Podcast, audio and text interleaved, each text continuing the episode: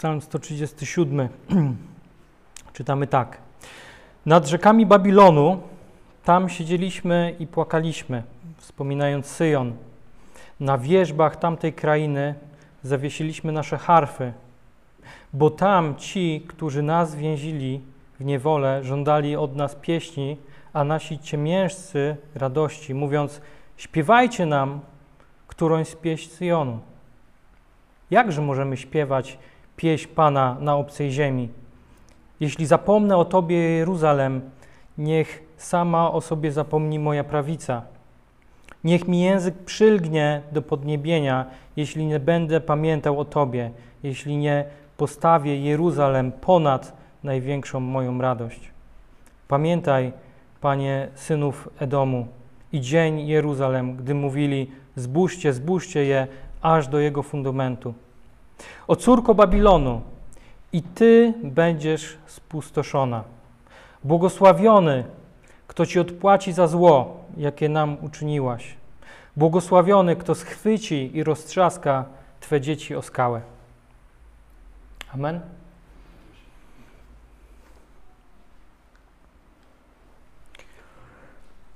Okej, okay, usiądźmy.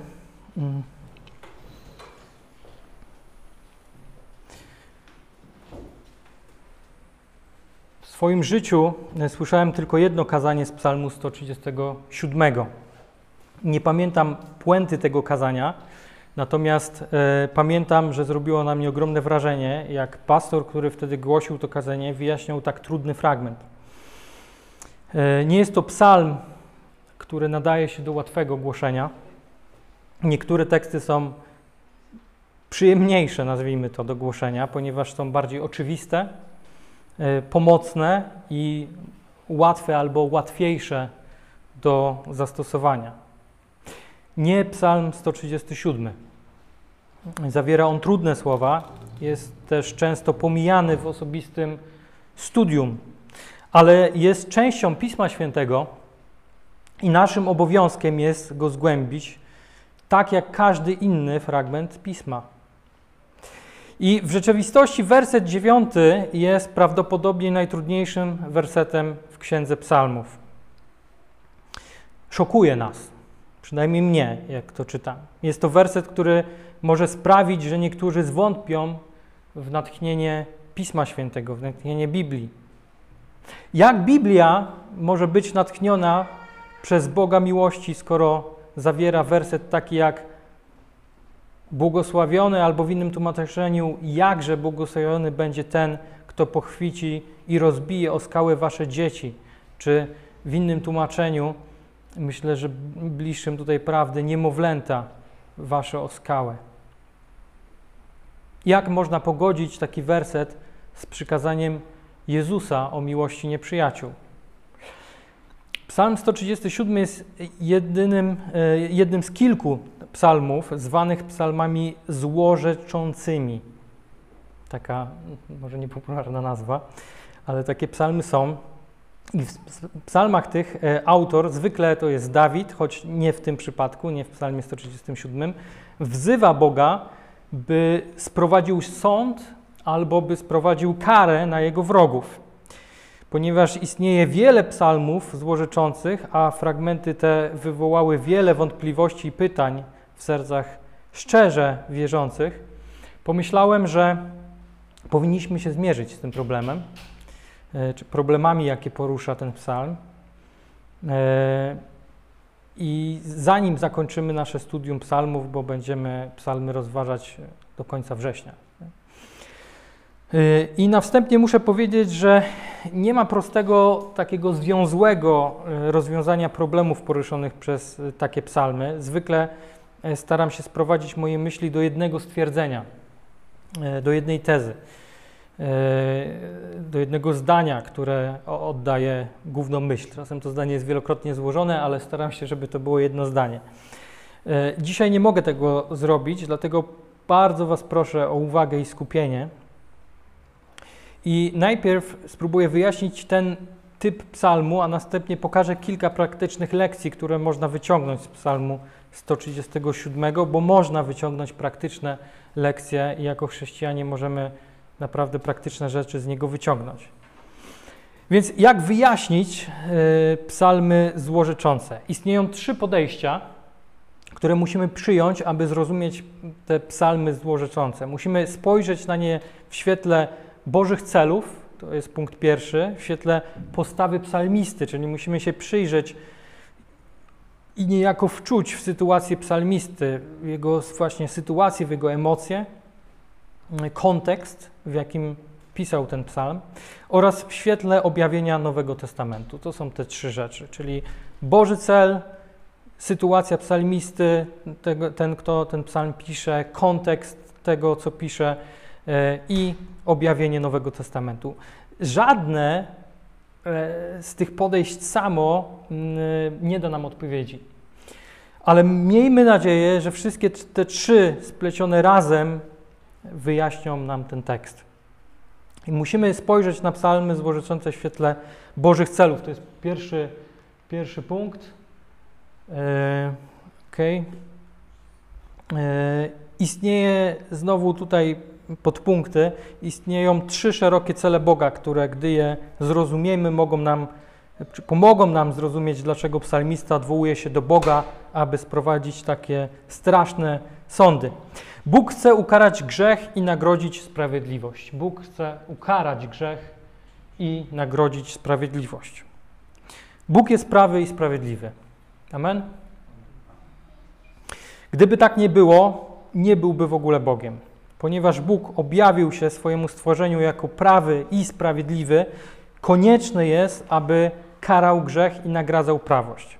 Gdyby ludzie mogli popełniać straszliwe zbrodnie i nigdy nie ponosiliby ich konsekwencji, lub gdyby narody mogły dopuszczać się okrucieństw i nigdy nie byłyby pociągnięte do odpowiedzialności, moglibyśmy słusznie dojść do wniosku, że w niebie nie ma sprawiedliwego Boga.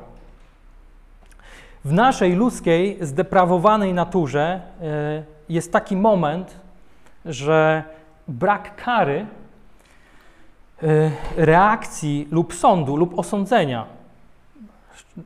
Jakby tu chciałbym bardzo określić to, podkreślić te, to osądzenie, bo też myślę, że w dzisiejszej wykrzywionej teologii y, powtarzamy jakieś frazesy, które niewiele mają wspólnego z Pismem Świętym albo są wyciągnięte z kontekstu Pisma Świętego, więc brak kary, reakcji lub sądu albo właśnie osądzenia Y, jeśli tego nie ma, zaczynamy rozumieć y, jako przyzwolenie na grzech. Nikt nic nie mówi, więc to, co robię, może nie jest dobre, ale nie jest zabronione. A skoro nie jest zabronione, to mogę to robić dalej. Skoro nikt nie protestuje, to będę to robił dalej. Dlatego Bóg musi osądzić grzech. I czyni to na dwa sposoby. Po pierwsze, y, w przyszłości odbędzie się sąd nad wszystkimi narodami i nad każdym człowiekiem. Nad każdym człowiekiem, bo tak jak wiemy, nie chcę to dzisiaj głęboko wchodzić, ale e, ludzi wierzących będą dotyczyły dwa sądy. Jeden usprawiedliwiony, jeśli jesteśmy, należymy do Chrystusa, to będziemy usprawiedliwieni na tym pierwszym, ale na tym drugim, czyli rozliczenie z tego, co tutaj robiliśmy, e, to nas nie ominie. I rozliczenie na przykład z talentów, które otrzymaliśmy. E, okres ten Biblia nazywa Dniem Pańskim. Słowo Boże jest w tej kwestii bardzo, bardzo jasne. E, I przeczytajmy fragment z drugiego listu Tesaloniczan, z pierwszego rozdziału, szósty i dziewiąty werset. I czytamy tam tak. Ponieważ jest rzeczą sprawiedliwą u Boga, żeby odpłacić uciskiem tym, którzy nas, którzy was uciskają, tu Paweł pisze, ale odnosi to się również do nas, a wam, uciśnionym, dać odpoczynek wraz z nami, gdy z nieba objawi się Pan Jezus z aniołami swojej mocy. W ogniu płomienistym wywierając zemstę na tych, którzy Boga nie znają i nie są posłuszni Ewangelii naszego Pana Jezusa Chrystusa. Poniosą oni karę, wieczne zatracenie, od oblicza Pana i od chwały Jego mocy. Tak mówi Nowy Testament o tym, jak Pan będzie osądzał, jak Pan będzie się mścił, co też rzadko się słyszy, myślę, dzisiaj, że Pan Bóg, nasz Jezus Chrystus, który za nas zmarł, będzie się mścił. za rzeczy, które zostały wyrządzone jego ludowi. Nawet jeśli grzesznikom wydaje się e, teraz dobrze powodzić, nadchodzi dzień sądu. Nikt poza Chrystusem nie uniknie jego gniewu. Każdy grzesznik musi stanąć przed obliczem Bożej sprawiedliwości. Po drugie, czasami czyny narodu lub e, osoby są tak okrutne i zepsute, że Bóg sprowadza tak zwany doczesny sąd. Pozwolenie na to, by pewne okrucieństwa pozostały bezkarne, e, to by zachęciło innych złych ludzi do popełnienia podobnego zła, czyli historia by się powtórzyła. Niestety wiemy, że się powtarza e, po, po latach. W takich przypadkach sąd doczesny nie jest sądem ostatecznym, ale kończy pewne panowanie pewnego zła na ziemi w pewnym konkretnym miejscu na pewien czas. I tak jak wiemy, na przykład eksterminacja y, różnych y, społeczeństw, ona na przestrzeni czasu miała miejsce w różnych miejscach na świecie.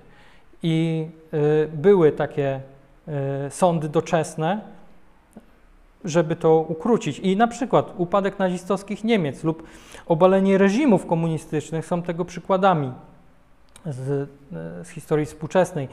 Innym przykładem jest upadek Jerozolimy w roku 70 mm, naszej ery z powodu odrzucenia Jezusa jako Mesjasza i o tym Biblia mówi jasno, że to jest kara za to. Musimy zrozumieć, że Boży czas nie jest naszym czasem. Kiedy doczesny sąd jest wstrzymywany, dzieje się tak dlatego, że w swojej łasce i cierpliwości Bóg oferuje możliwość pokuty, możliwość upamiętania. Ale jeśli łaska jest odrzucona wystarczająco długo, o czym nie wiemy, jaki to jest czas, to o tym wie tylko nasz Pan, doczesny sąd nadejdzie. I chwała za to Bogu, że używa też y, doczesnych sądów, y, by właśnie ukrócać grzech na ziemi. Psalmista jest więc człowiekiem, który utożsamia się ze, ze sprawiedliwym Bożym zamiarem osądzenia wszelkiego zła. Woła więc do Boga o działanie. Jest to wołanie, z którym każdy sprawiedliwy może się utożsamić. I my też powinniśmy się utożsamiać z tym wołaniem. E, Bóg zmierza, zamierza błogosławić ziemię poprzez swój wybrany lud.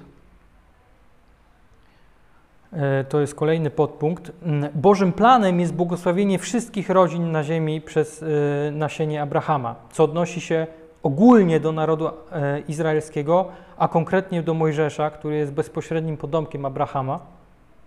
Tak jak Boży cel karania za grzech i nagradzania za sprawiedliwość jest objawieniem Jego sprawiedliwego charakteru i tego się możemy na przykład po tym nauczyć, E, o Bogu, e, tak Jego cel błogosławienia ziemi przez Jego wybrany lud jest objawieniem Jego miłości i miłosierdzia. Tak jak wiemy z listu do Rzymian, my jesteśmy wczepieni w ten pień e, i też jesteśmy tym narodem. Cała ludzkość zbuntowała się przeciwko Bogu. Bóg mógł sprawiedliwie osądzić nas wszystkich, ale z powodu swojej miłości i miłosierdzia postanowił nas błogosławić poprzez swój plan zbawienia. Aby przygotować świat na przyjście Mesjasza, Bóg wybrał Abrahama i jego potomków. Przez Jakuba naród Izrael miał być ludem pod Bożym panowaniem. Do takiego ludu Bóg miał posłać Zbawiciela świata. Aby zrealizować ten plan, Bóg obiecał błogosławić tym, którzy błogosławią Jego lud i przeklinać tych, którzy Go przeklinają. I kiedy psalmista woła o sąd nad Babilonem, apeluje do Boga, aby wypełnił swoje przymierze z Abrahamem. Tak, aby ostatecznie wszystkie narody były błogosławione. Mimo, że wybrany przez Boga naród zgrzeszył i zbierał doczesny Boży sąd poprzez niewolę babilońską, psalmista prosi Boga, aby obalił ten wyrok, przeklinając naród, który ich przeklął, zgodnie z większym Bożym celem błogosławienia świata przez nasienie Abrahama. I cieszę się, że Duch Święty działa tak wspaniale w naszym kościele, że zawsze, mimo że się nie umawiamy, to e, osoba, która staje tutaj przed e, kazaniem, czyta fragment, który jest powiązany. E, I dzisiaj Marcin czytał fragment właśnie o czasie na rok przed niewolą babilońską, co się, co się wydarzyło. Naród izraelski zgrzeszył, ponosi karę, ale już wtedy było wiadomo, jak czytał Marcin, że ta kara nie będzie trwała wiecznie, że ta kara się skończy. I stąd te dokumenty złożone w tym naczyniu glinianym. Kolejny punkt. Mm, Bóg chce wypełnić swoje słowo. Słowo, Słowu Bożemu można ufać i należy ufać. Kiedy Bóg mówi, że coś się wydarzy, można na to liczyć. E, można być pewnym, że tak się stanie. E, tak jak Boży cel, by ukarać grzech, objawia Jego sprawiedliwość, a Jego cel, by błogosławić ziemię przez swój wybrany lud, objawia Jego miłość, tak Jego cel, by wypełnić swoje słowo, objawia Jego wierność. Czyli to, co Bóg mówi, to wypełnia, a przez to uczymy się Jego wierności. Możesz ufać Bogu, że uczyni to, co obiecuje. I myślę, że z jednym z problemów, jakie mamy jako współcześni chrześcijanie, jest to, że nie wierzymy w obietnice Boże. Czyli jak ktoś nas zapyta, to mówimy, że wierzymy, natomiast nie żyjemy tym, nie wierzymy tak naprawdę w to, że to wszystko się wypełni. Na przykład to, co czytałem a propos przyjścia Chrystusa, a propos tego, że ludzie niepojednani z Nim będą wrzuceni do ognia piekielnego i nie przez szatana, szatan będzie w tym ogniu, wrzucony przez Boga, ale przez Boga. I ostatnio czytam sobie e, Ewangelię Łukasza i ostatnio właśnie po raz kolejny zresztą uderzył mnie ten fragment, gdzie, gdzie Jezus mówi, kogo mamy się bać. Mówi, nie bójcie się tego, kto może was zabić. Mówi, raczej bójcie się tego, kto może nie tylko was zabić, ale wrzucić was do piekła, a to jest Bóg. Tylko Bóg może to zrobić. I tego mamy się bać. Co Bóg obiecał w odniesieniu do Babilonu? Obiecał w pełni odpłacić Babilonowi i zrównać z ziemią jego mury. I przeczytajmy ten fragment, e, bo jest e, ciekawy. I czytamy w Jeremiasza w 51 e, rozdziale 55 werset do 58 takie słowa. Bo Pan pustoszy Babilon i wytraci z niego wielki głos. Choćby ich fale huczały jak wielkie wody i rozlegały się, rozlegał się szum ich głosu. Niszczyciel bowiem nadciąga na niego, na Babilon i jego mocarze zostaną pojmani. Ich łuki będą połamane. Pan bowiem, Bóg odpłaty, odpłaci im niezawodnie. Upije jego książąt i mędrców jego dowódców i rządców oraz jego mocarzy, aby zasnęli wiecznym snem i już się nie obudzili, mówi król, Pan zastępów to jego imię. Tak mówi Pan zastępów, szerokie mury Babilonu będą doszczętnie zniszczone i jego wysokie bramy pozostaną spalone ogniem. Ludzie będą trudzić się na darmo i narody przy ogniu, a osłabną.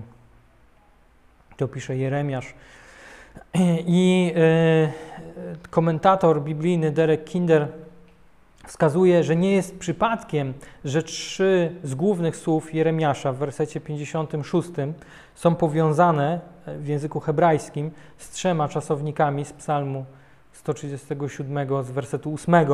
Psalmista wzywa Boga do wypełnienia obietnicy danej przez proroka Jeremiasza. Psalmista nie mówi nic od siebie, on mówi: Wypełni, Panie, to, co e, zapowiedziałeś. Spełni swoją obietnicę. Boża obietnica, zarówno z ziemią e, murów, e, zrównania z ziemią murów Babilonu, była bardzo poważna dla ówczesnych ludzi. Myślę, że my, współczesni ludzie, jeśli byśmy weszli teraz do Babilonu, takiego jak był w czasach swojej świetności, czyli za Nebukadnezara, e, bylibyśmy w szoku, jak to wszystko wyglądało. Jeszcze dzisiaj rano sobie e, czytałem opis e, Babilonu. No to robi to wrażenie. Kilka liczb. Babilon był otoczony zewnętrznym murem o obwodzie między 70 a 100 kilometrów w zależności od y, źródła. Grubość 3,5 metra i wysokość prawie 23 metrów. e, od powierzchni wody, od powierzchni Eufratu. On był po dwóch stronach Eufratu. Było to tak sprytnie zrobione, że e, przez to też zrobili od razu fosę dookoła całego, całego miasta. Później mm, wieże strażnicze i, fosa. E, potem został on wzmocniony murem wewnętrznym od grubości 6 metrów, czy według różnych tam źródeł 7,5. Jeden z komentatorów e, opisywał taki, taki cytat e, z ksiąg z tamtego okresu, że wóz zaprzęgnięty w cztery konie, tylko raczej dwa i dwa, a nie cztery obok siebie, tak mi się wydaje, mógł zawrócić na tym murze. E, także tak to było potężne. E, potem wysokość od lustra wody tych murów sięgała do 100 metrów. Tak naprawdę te mury według, e, to, to są dane amerykańskie, oni lubią podawać, wiecie, że od lustra wody brzmi 100 metrów, to jest takie wow. Natomiast one miały w okolicach, te, te, te drugie mury w okolicach 30 metrów od fundamentu, natomiast że znajdowały się na lekkim wzniesieniu, to mogło to dawać nawet 100 metrów. To samo z wieżami, które miały od lustra wody 130 metrów i były co 20 metrów e, ustawione. Mm. I były też kolejny, trzeci wewnętrzny mur.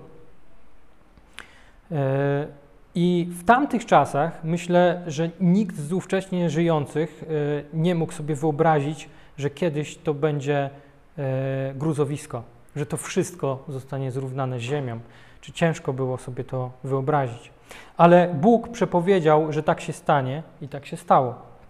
Również w księdze Izajasza w 13 rozdziale, 16 wersecie, w kontekście proroctwa o Bożym Sądzie nad Babilonem za jego grzechy, Izajasz wyraźnie przepowiedział, że ich dzieci zostaną roztrzaskane na ich oczach. I Izajasz pisze tak, mamy ten fragment tutaj wyświetlony, ich dzieci będą roztrzaskane na ich oczach, ich domy będą splądrowane, a ich żony zgwałcone. Tak pisze Izajasz e, słowa Boga w 13 rozdziale, 16 wersecie. Jest to okrutna kara, ale Babilon zbierał to, co zasiał. To on zadał innym te straszne tortury i sam miał ponieść taką samą karę.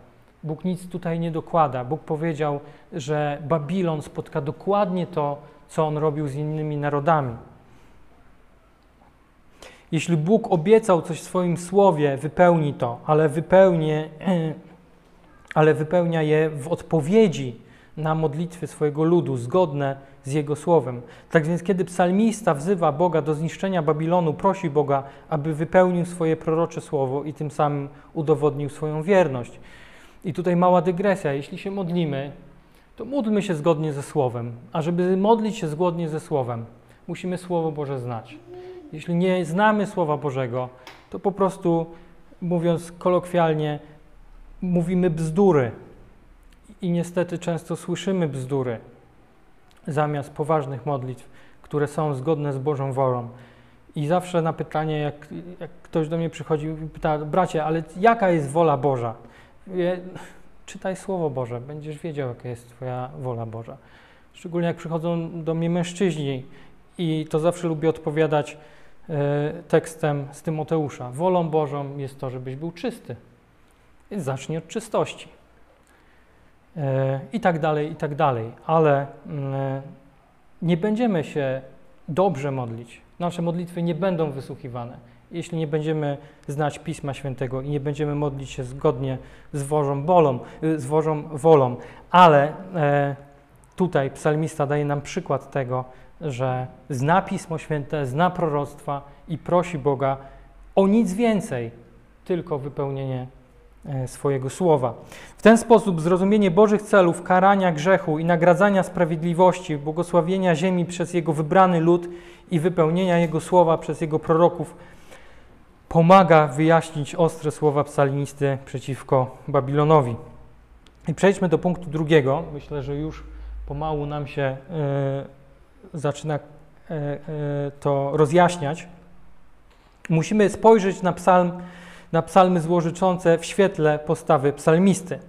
Musimy wziąć pod uwagę dwa aspekty postawy psalmisty, aby zrozumieć psalmy złożyczące. I pierwsza, pierwsza rzecz to jest Psalmista nie szukał osobistej zemsty, ale raczej prosił Boga o podjęcie działań. Jego modlitwa nie brzmiała: Daj mi możliwość wyrównania rachunków z tymi łajdakami. Tak nie mówi. Raczej mówi: Panie, pomści zło wyrządzone Twojemu ludowi. Zauważcie, on nie szuka swojej e, sprawiedliwości. On martwi się o lud wybrany, o Boży lud. To znacząca różnica. Widzimy, widzimy tę różnicę w praktyce, gdy porównamy psalmy złożycące Dawida z jego osobistym działaniem. To jest w ogóle bardzo ciekawa rzecz i będziemy od października e, na kazaniach e, głosić z księg Samuelowych, skupiając się właśnie na Dawidzie. E, natomiast teraz Wam powiem trochę wyprzedzając. Dawid często modlił się, aby Bóg podjął działanie przeciwko jego wrogom. Jego zamiłowanie do sprawiedliwości często powodowało, że był oburzony, gdy słyszał o niesprawiedliwości i złu. Ale kiedy miał okazję zabić swoich osobistych wrogów, takich jak na przykład Saul, nie korzystał z tej okazji. Puścił Saula wolno. Psalmy złorzeczące nie są zakorzenione w duchu osobistej zemsty, ale raczej w żarliwym pragnieniu, aby Bóg usprawiedliwił swój lud, sądząc niegodziwców. Jest to ten sam rodzaj sprawiedliwego gniewu, który e, sprawiłby, że modlilibyśmy się, aby morderca lub molestujący dzieci został postawiony przed sądem. To jest to samo. To jest to samo oburzenie. I podpunkt B. Psalmista nie troszczył się o własną sprawę, ale raczej o sprawę Bożą. W psalmach tych nie ma śladu osobistej zazdrości, złośliwości czy ambicji. Jest raczej głęboka troska o lud Boży. Jest pragnienie, by Boża chwała została ukazana.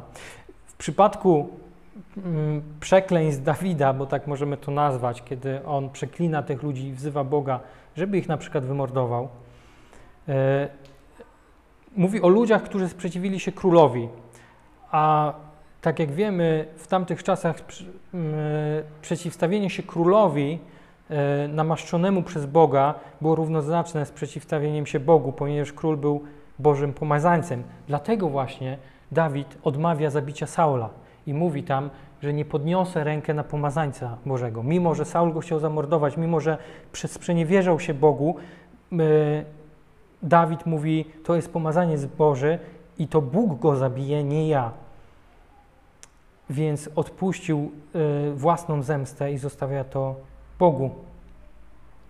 W przypadku innych psalmów przekleństwa mają charakter narodowy, a nie osobisty.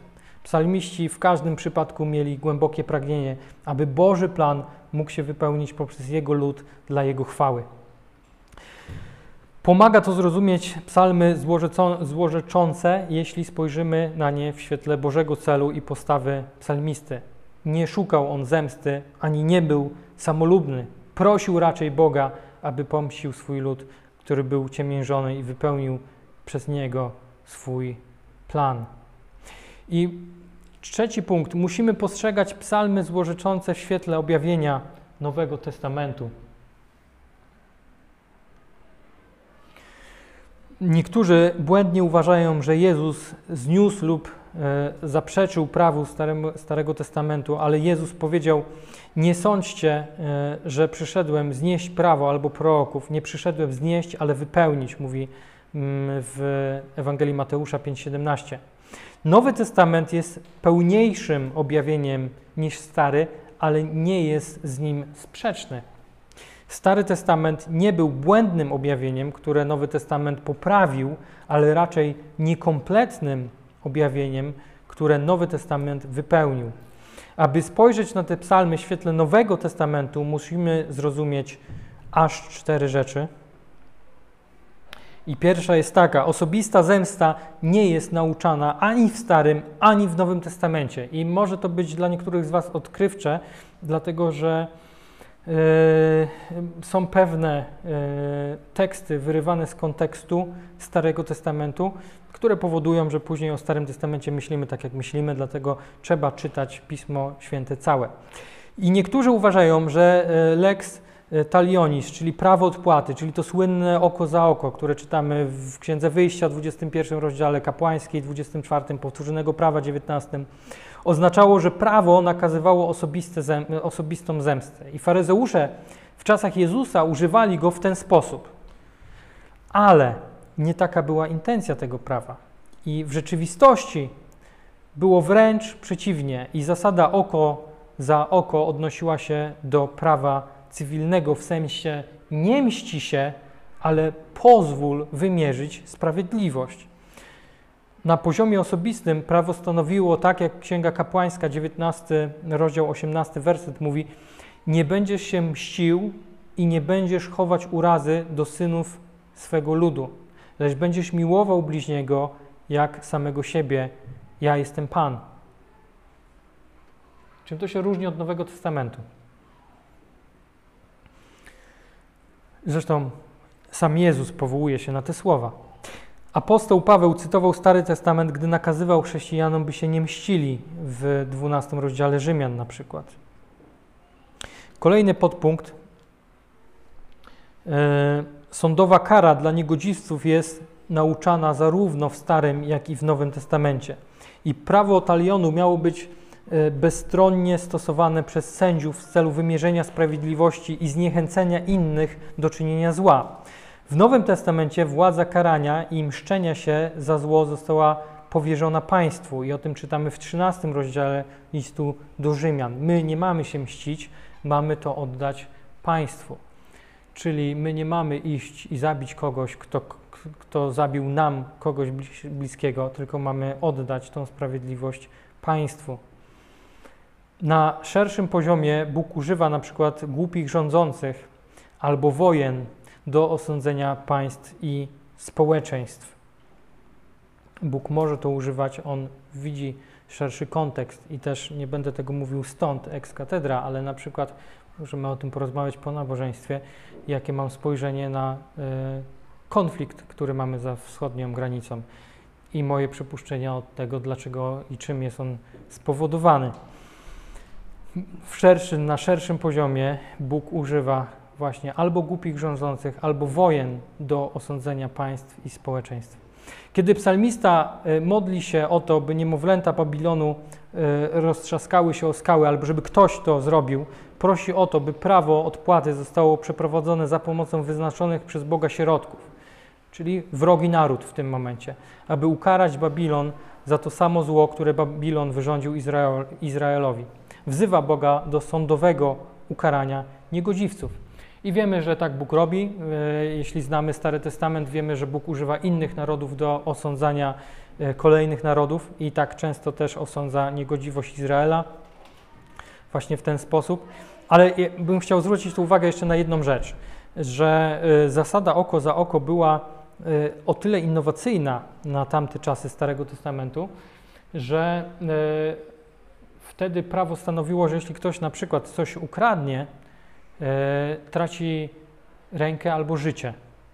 Natomiast ta zasada była pełna miłości, jakkolwiek to brzmi w dzisiejszych czasach, e, kiedy jest pełno niezrozumienia a propos sprawiedliwości i miłości też, że e, Pismo mówiło, ty się nie mści, niech rozsądzi to sędzia, a sędzia nie może nałożyć większej kary niż zło, które zostało wyrządzone.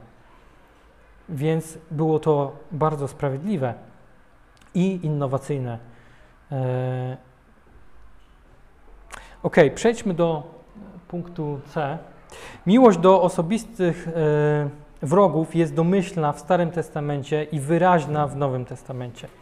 Jak widzieliśmy w Starym Testamencie, w Starym Testamencie e, Stary Testament zabraniał zemsty wykraczał jednak poza ten zakaz, nauczając, że człowiek powinien pomagać swojemu wrogowi.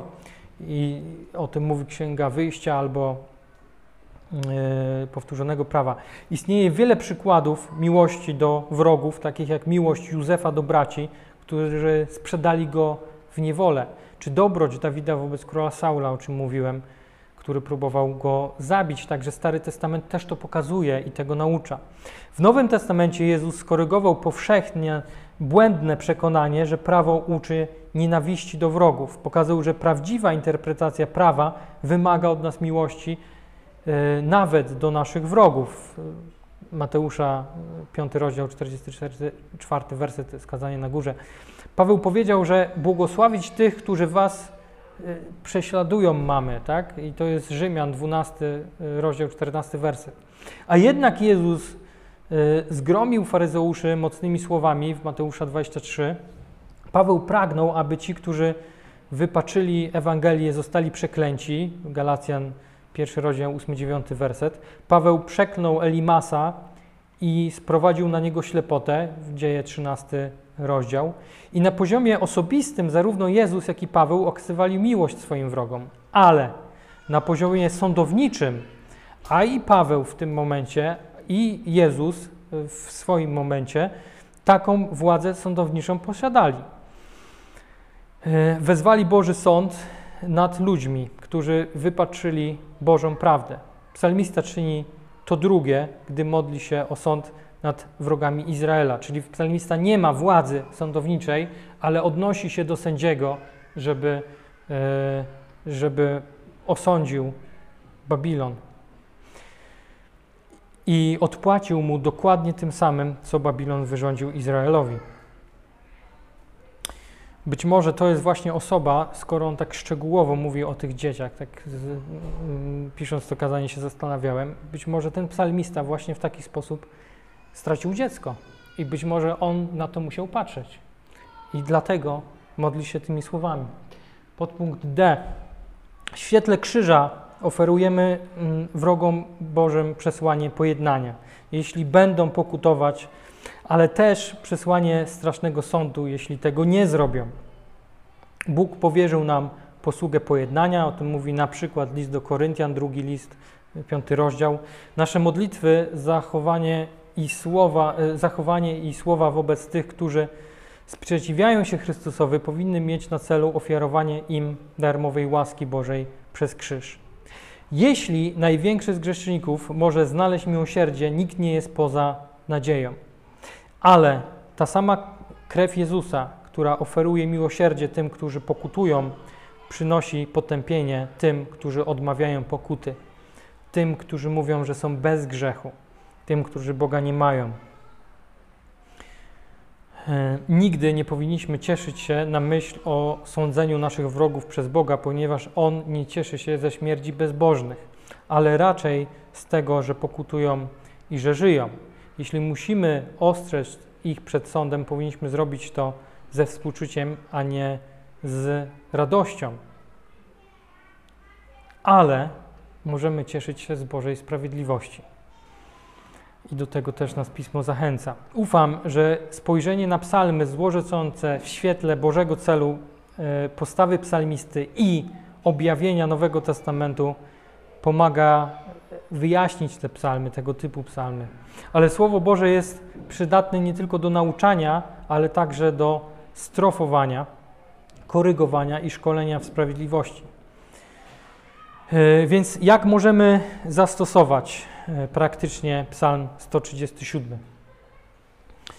E, z Psalmu 137 chciałbym wyciągnąć cztery praktyczne wnioski i nie mam już czasu, żeby je dokładnie omówić, ale być może zachęcą nas one do dostrzeżenia wartości nawet tak trudnego fragmentu jak ten. Umówiliśmy się z Matem ostatnio, że kazania będą trwały około 45 minut max, więc mam jeszcze 6. E, powinniśmy być pobudzeni do patrzenia na okrucieństwa grzechu ze świętym przerażeniem. Psalmista e, nie próbuje po prostu zwrócić się do nas, e, ale wstrząsnąć nami. Te słowa mają nami wstrząsnąć, byśmy dostrzegli okropność grzechu. Tak jak mówię, jak przeczytałem ten psalm kilka, kilkanaście razy, yy, przygotowując to kazanie, i, i tak jak mówiłem, myślę, że to jest osoba, która została głęboko skrzywdzona przez Babilon. Myślę, że to, co pisze, dotknęło ją osobiście. Tak jak krzyk w nocy powoduje przypływ adrenaliny i motywuje nas do działania, tak psalmista chce, abyśmy mieli emocjonalną reakcję na grzech, który miał miejsce. Jesteśmy zbyt łagodni w naszej nienawiści do grzechu, zbyt pobłażliwi na grzech. I, i myślę, że tak jest. I że nie reagujemy odpowiednio, nie, nie reagujemy odpowiednio szybko na grzech. Nie reagujemy odpowiednio też w kwestii dostępnych środków na grzech. I myślę, że później mm, na tym tracimy.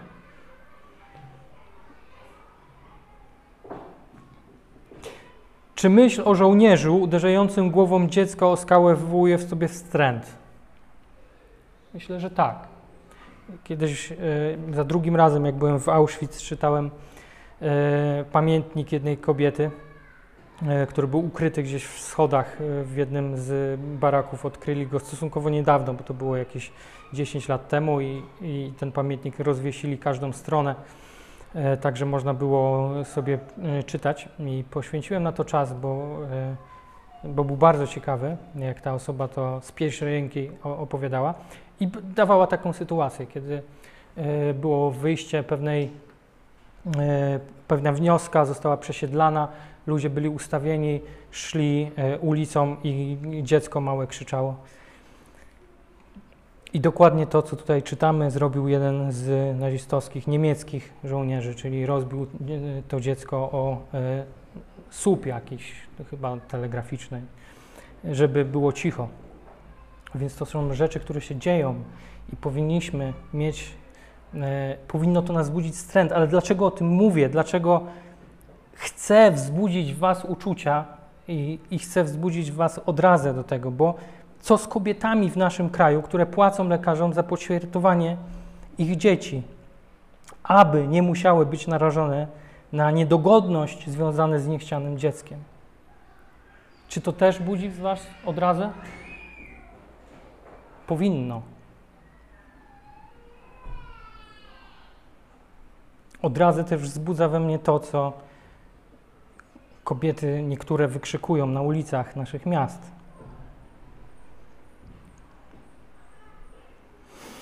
Przemysł aborcyjny powinien nas złościć i zmuszać do działania. Używanie przemocy do walki z nim jest złe, oczywiście, ale bierność również jest zła. I za bierność również odpowiemy przed Bogiem. Kolejny punkt. Powinniśmy dostrzec, że istnieje całkowita niezgodność między dzieckiem Bożym a światem. Tak jak wierni Żydzi nie mogli śpiewać pieśni Syjonu w Babilonie, tak lud Boży dzisiaj nie powinien przyłączać się do frywolności tego świata. Babilończycy mogli szydzić z Żydów, ale nie wiedzieli nic o prawdziwości, o, o prawdziwej radości Syjonu. Świat nie może, znaczy świat może i to robi, świat może szydzić z chrześcijan, ale nie wie nic o radości byta, bycia dzieckiem Bożym. Myślę, że to jest bardzo podobne i myślę, że możemy się z tym utożsamić, z tym psalmistą tutaj. Chociaż żyjemy w Babilonie, musimy być odrębnym ludem. Musimy być święci, tak jak Bóg jest święty. Trzeci punkt.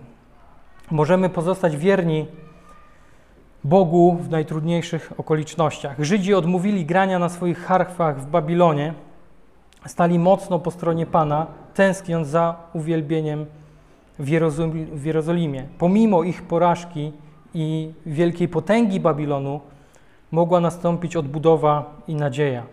Boże obietnice nie zawodzą, nawet gdy okoliczności wydają się najczarniejsze. Wielki Babilon został zniszczony. Lud Boży żyje dalej. Bez względu na to, jak trudna jest nasza sytuacja, możemy być posłuszni Panu. I ostatni punkt zastosowania. Powinniśmy być wezwani do głębszego zaangażowania w Królestwo Boże i sprawiedliwość. Do głębszego zaangażowania w Królestwo Boże i sprawiedliwość. Myśl o zrujnowanej Jerozolimie doprowadzała Żydów do łez. Nie było im tak źle w Babilonie, mogli z łatwością zasymilować się z babilońskim stylem życia.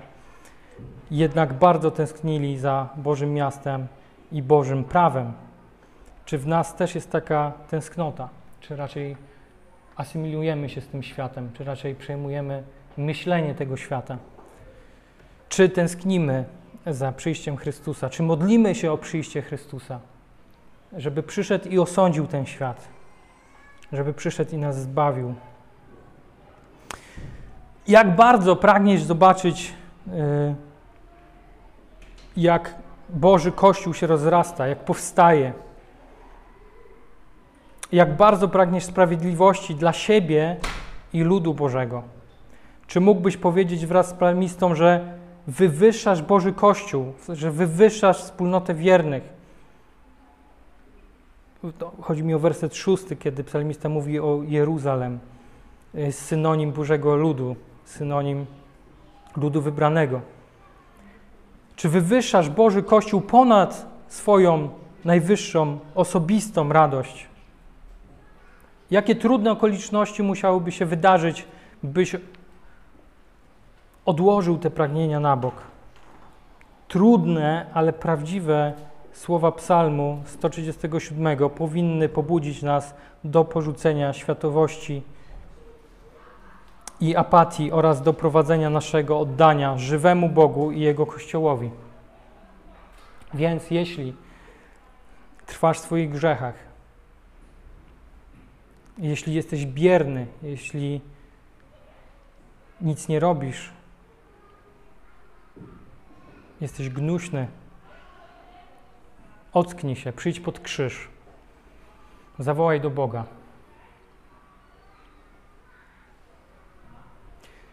i zacznij faktycznie walczyć w modlitwach, zgodnie z wolą Bożą, z Jego pismem, o sprawiedliwość dla Bożego ludu, czyli naszego Kościoła. Amen.